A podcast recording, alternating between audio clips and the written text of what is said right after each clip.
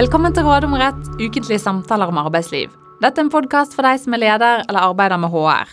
Mitt navn er Siri Falk Olsen, jeg er advokat og partner i advokatfirmaet Reder og sitter her som vanlig sammen med kollega og partner Ragnhild Nakling.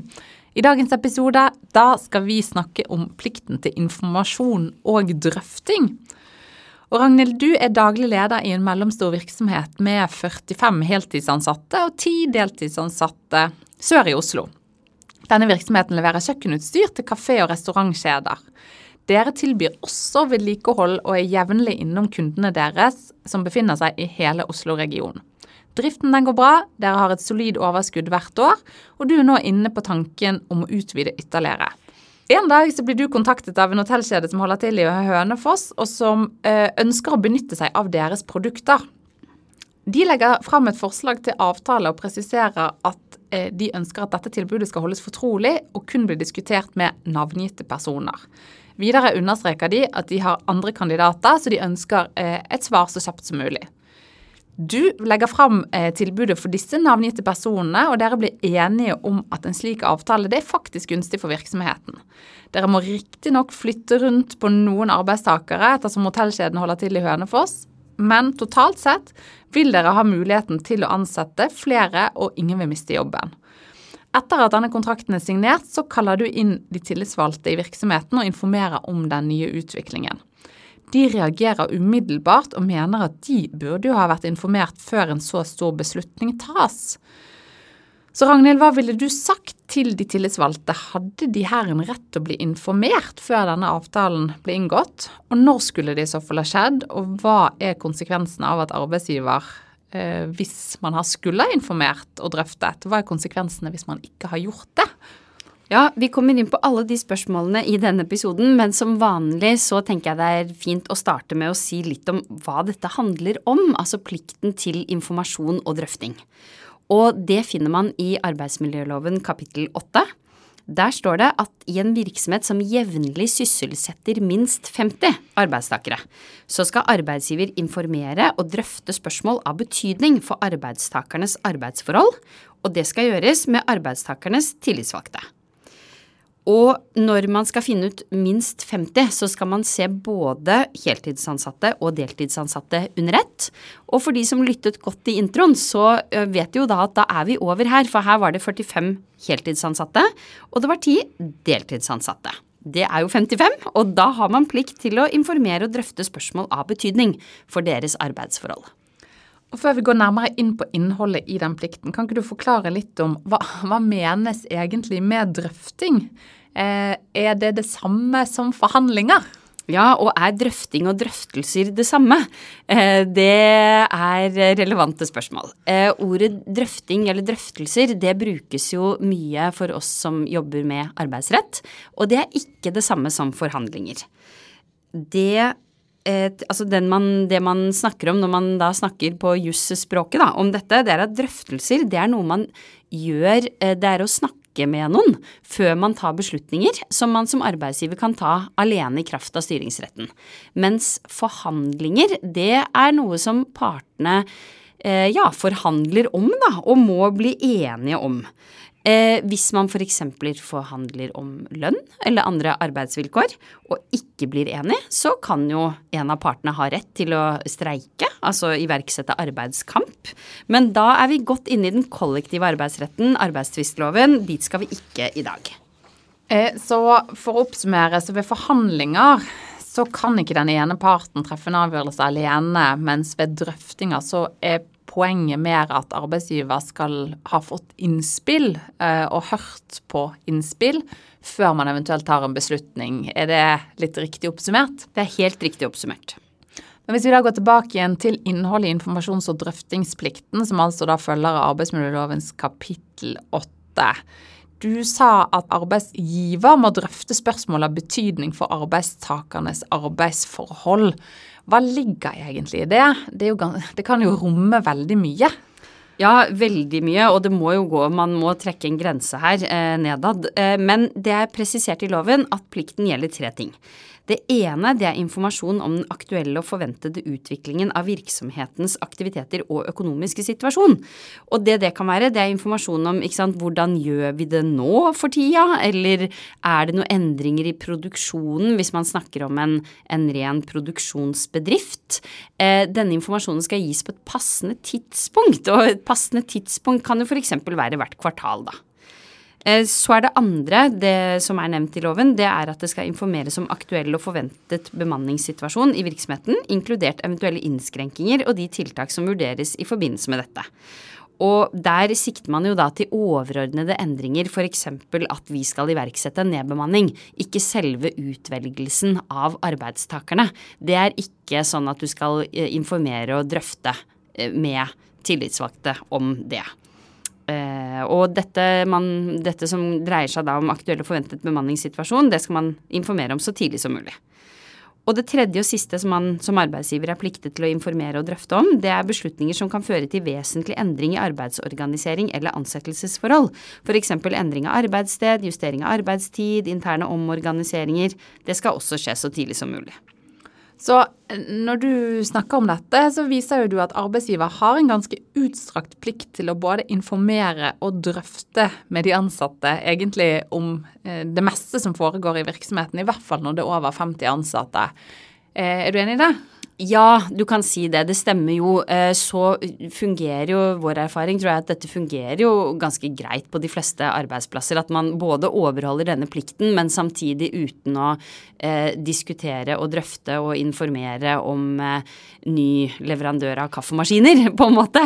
Eh, men det er jo det som mye av det norske lovverket knyttet til arbeidslivet handler om, da. Å gi arbeidstakerne rett til å bli sett og hørt og tatt med på råd i noe som har stor betydning for dem i deres hverdag.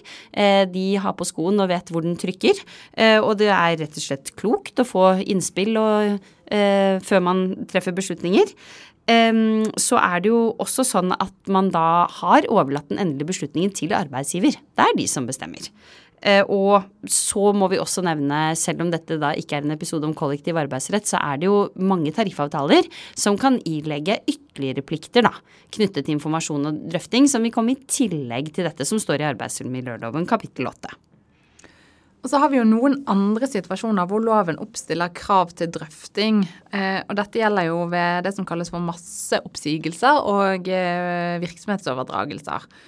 Så hvordan henger på en måte disse situasjonene sammen, altså disse konkrete situasjonene, masseoppsigelser og situasjoner med virksomhetsoverdragelser, hvordan henger de sammen med denne generelle drøftingsplikten som, som, er nedfelt i kapittel 8? Ja, de kommer i tillegg, og det har jo egentlig den praktiske betydninga at selv om du bare skulle være, la oss si, 15 ansatte, og så er det planer om en virksomhetsoverdragelse eller masseoppsigelse, altså inntil ti arbeidstakere som vil bli berørt, så må man informere og drøfte om dette, og da ikke med hjemmel i kapittel 8, men med hjemmel i 15.2 og 16 Ja, nå prøver jeg å huske. Er det 16.2 eller 3? Men i hvert fall bestemmelsene om virksomhetsoverdragelse i kapittel 16, da. Og hva tenker du om denne saken, altså denne konkrete saken som vi hørte om i case eh, i starten? Her var det snakk om da å potensielt flytte, vi vet jo ikke akkurat hvor mange som vil bli rammet, men snakk om å flytte en del ansatte eh, til et annet sted, altså fra Oslo til Hønefoss potensielt. Er dette noe som arbeidsgiver burde ha informert om og drøftet med de ansatte? Ja, det er nok det. Jeg tror arbeidsgiver her har tenkt at ja, men dette er bare good news. Ingen mister jobben, vi skal utvide. Eh, her trenger jeg ikke informere og drøfte. Men det var jo også sånn at flere arbeidstakere kanskje måtte begynne å jobbe i Hønefoss, og denne virksomheten var sør i Oslo. Det er jo en ganske stor endring. Eh, og da burde nok ledelsen ha informert på forhånd. Men her var det sånn, daglig leder endte jo faktisk med å informere de tillitsvalgte til slutt, men da etter at denne kontrakten var signert. Eh, er det tilstrekkelig? Altså Her var jo det en motpart som ønsket at opplysningene skulle holdes hemmelig og ville ha et raskt svar. Så hvis man skulle her ventet på avholdt drøftingsmøter med de tillitsvalgte, så ville kanskje sjansen ha gått fra, fra denne virksomheten, og så ville jo ikke det heller vært heldig. Hva, hva har du å si om det dilemmaet der? Ja, at det er et veldig kjent dilemma, og det er oppe både i dette tilfellet, det gjelder ved masseoppsigelser, det gjelder med virksomhetsoverdragelser, men at man må prøve å følge loven så godt man kan, da. Eh, og det står jo så tidlig som mulig i loven. Der er jo formålet at arbeidstakerne faktisk skal sikres en mulighet for reell innflytelse. Da må man gi informasjonen i hvert fall såpass tidlig at de har mulighet til å forberede seg på en forsvarlig måte så er det jo veldig ulikt hvordan så tidlig som mulig tolkes. Og det er en konkret vurdering, så det er vanskelig å si noe om i praksis. Men det jeg tenker at vi bør si, er at man kan ilegge de tillitsvalgte en konfidensialitetsplikt eh, som i hvert fall forhåpentligvis da vil eh, redusere eh, sjansen for at dette kommer ut på noe vis som motparten her ikke ønsket. Så det å informere etter etter at kontrakten var signert, sånn som det ble gjort her, det kan vi vel si at ikke holder. Er du ikke enig i det, Ragnhild? Jo, jeg tror jeg bare begrenser meg til å si at det er ikke så tidlig som mulig. Og er det en bestemt måte arbeidsgiver må gå frem på for å gjennomføre drøftingsplikten? Hvordan gjør man det i praksis? Nei, det er jo veldig generelle regler om dette i arbeidsmiljøloven. Det man må sørge for, er at informasjonen gis på en sånn måte at de tillitsvalgte kan sette seg inn i saken. De kan vurdere den, gjøre undersøkelser hvis det trengs. Men det er opp til den enkelte virksomhet å finne ut av. Det syns jeg jo egentlig også er et gode, fordi det kan være veldig forskjellig fra virksomheten med 51 ansatte og virksomheten med 2000 500. Eh, så er det også sånn at loven åpner for at gjennomføringen kan fravikes ved tariffavtale. Og der er det jo da også åpnet for at man kan finne løsninger som passer bedre da, til den enkelte sektoren. Ok, men da har vi snakket litt om innholdet i informasjon- og drøftingsplikten eh, når det skal informeres. Men er det noen tilfeller hvor det kan gjøres unntak? Er det noen tilfeller og situasjoner hvor arbeidsgiver likevel ikke har en plikt til å gi informasjon? Ja, som nesten alltid i jussen så er det jo ingen hovedregel uten noen unntak vi også kan snakke om. Og i arbeidsmiljøloven 8.3 så er det en bestemmelse som gjelder fortrolige opplysninger. Og det var egentlig den jeg tenkte litt på i sted, som åpner for at arbeidsgiver kan pålegge tillitsvalgte taushetsplikt hvis det virksomhetens behov tilsier det, da. Og at i særlige tilfeller så kan arbeidsgiver også unnlate å gi informasjon og gjennomføre drøftinger dersom det åpenbart vil være til betydelig skade for virksomheten. Så det er altså rom for å enten informere og pålegge taushetsplikt, eller å unnlate å informere i sin helhet. Så når er det disse situasjonene blir aktuelle? Ja, Det er også veldig konkrete vurderinger, men man kan ikke pålegge taushetsplikt bare på generell basis. Det må være virksomhetens behov som begrunner det. Og um, også dette med å holde tilbake opplysninger, ikke sant, når det kan være aktuelt. Der er det jo dette med åpenbart til betydelig skade. Der er det ordene åpenbart og betydelig, og for så vidt også skade, viser jo at det er en snever unntaksregel. Den skal bare anvendes i spesielle tilfeller. Og det måtte jo være hvis det er sånn at konkurrenter eller andre kan få tilgang til virksomhetsintern eh, informasjon som er av, av stor betydning. Eh, og denne saken ja, kunne kanskje vært det, men vi vet for lite, rett og slett, tenker jeg da, til å si at det ville vært anledning til å holde det tilbake. Men eh, hva tenker du at man måtte vite litt mer om, hvis vi ser på det eksempelet vårt? Hva, hva tenker du at vi burde visst litt mer om for å kunne si om, om det kunne vært anvendelig. Holdt tilbake. Ja. ja. Jeg tenker at man måtte visst litt om disse opplysningene. Hvor sensitive er de? Hvor stor skade ville de kunne gjort hvis det kom ut? Dette med at denne hotellkjeden nå skal kjøpe produkter fra virksomheten vår, i gåseøyne, hvor mye oppmerksomhet vil det føre til? Eh, men generelt så er det liksom opplysninger om kontraktsforhold, økonomiske forhold, tekniske innretninger, produksjonsmetoder, forretningsmessige analyser. Det er eksempler på opplysninger som kan skade selskapet selskapet. Og der vil det jo da eh, variere veldig fra virksomhet til virksomhet hva som vil kunne være skade. Og hvis vi da tenker oss at virksomheten da ikke har informert i tide, og at det ikke var mulighet for å bruke denne taushetsplikten eller å holde informasjon tilbake, hva er egentlig konsekvensene av brudd på informasjons- og drøftingsplikten? Nei, altså Så vidt jeg har kunnet se, da, så er det jo um, i utgangspunktet så skal man jo følge loven, og det er jo viktig å si. Og Arbeidstilsynet har jo eh, tilsynsmyndigheten med om reglene i arbeidsmiljøloven oppfylles. De kan gi pålegg, de kan treffe enkeltvedtak for å sikre at man gjør det. Og jeg tenker jo at i en tenkt situasjon så kunne man kanskje kommet i en situasjon hvor noen gjorde Arbeidstilsynet oppmerksom på dette eller klaget, og at de ga ja, pålegg om enten å drøfte fremover. Eh, det er jo også noen straffebestemmelser, men der er jeg reelt sett veldig usikker på om liksom det faller innunder i det hele tatt. Eh, og så er det da eh, at hvis det er brudd på taushetsplikten, eller dette med at man ikke har gitt informasjon, så kan det bringes inn for tvisteløsningsnemnda. Men som oftest så klarer jo heldigvis da norske virksomheter å oppfylle denne plikten overfor de ansatte. Så Ragnhild, hvis vi da tenker oss at denne virksomheten da ikke har informert i tide, og at det heller ikke var rom for å bruke taushetsplikt eller å holde informasjon tilbake, hva vil egentlig konsekvensen av brudd på informasjons- og drøftingsplikten være? Hvordan kan det sanksjoneres? For det første så syns jeg det er greit å si at man bør jo følge loven, da, og ikke overtre bestemmelsene der. Men hvis det er sånn at man har gjort det, man har ikke overholdt denne informasjon- og drøftelsesplikten, så er det sånn at eh, Arbeidstilsynet, som jo er tilsynsmyndighet for arbeidsmiljøloven, de kan gi pålegg, eh, de kan mm, treffe enkeltvedtak, de kan faktisk ilegge overtredelsesgebyr. Dette står i kapittel 18 i loven. Men så er det sånn at det er ingen som kan straffes, i hvert fall, holdt jeg på å si, eh, for en sånn overtredelse. Det er kapittel 19 i loven er der det står om straff, men der er også overtredelser etter kapittel 8 uttrykkelig unntatt.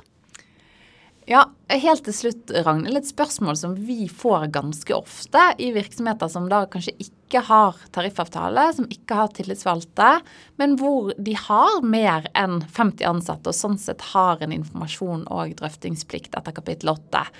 Hvem drøfter man med i de sakene, f.eks.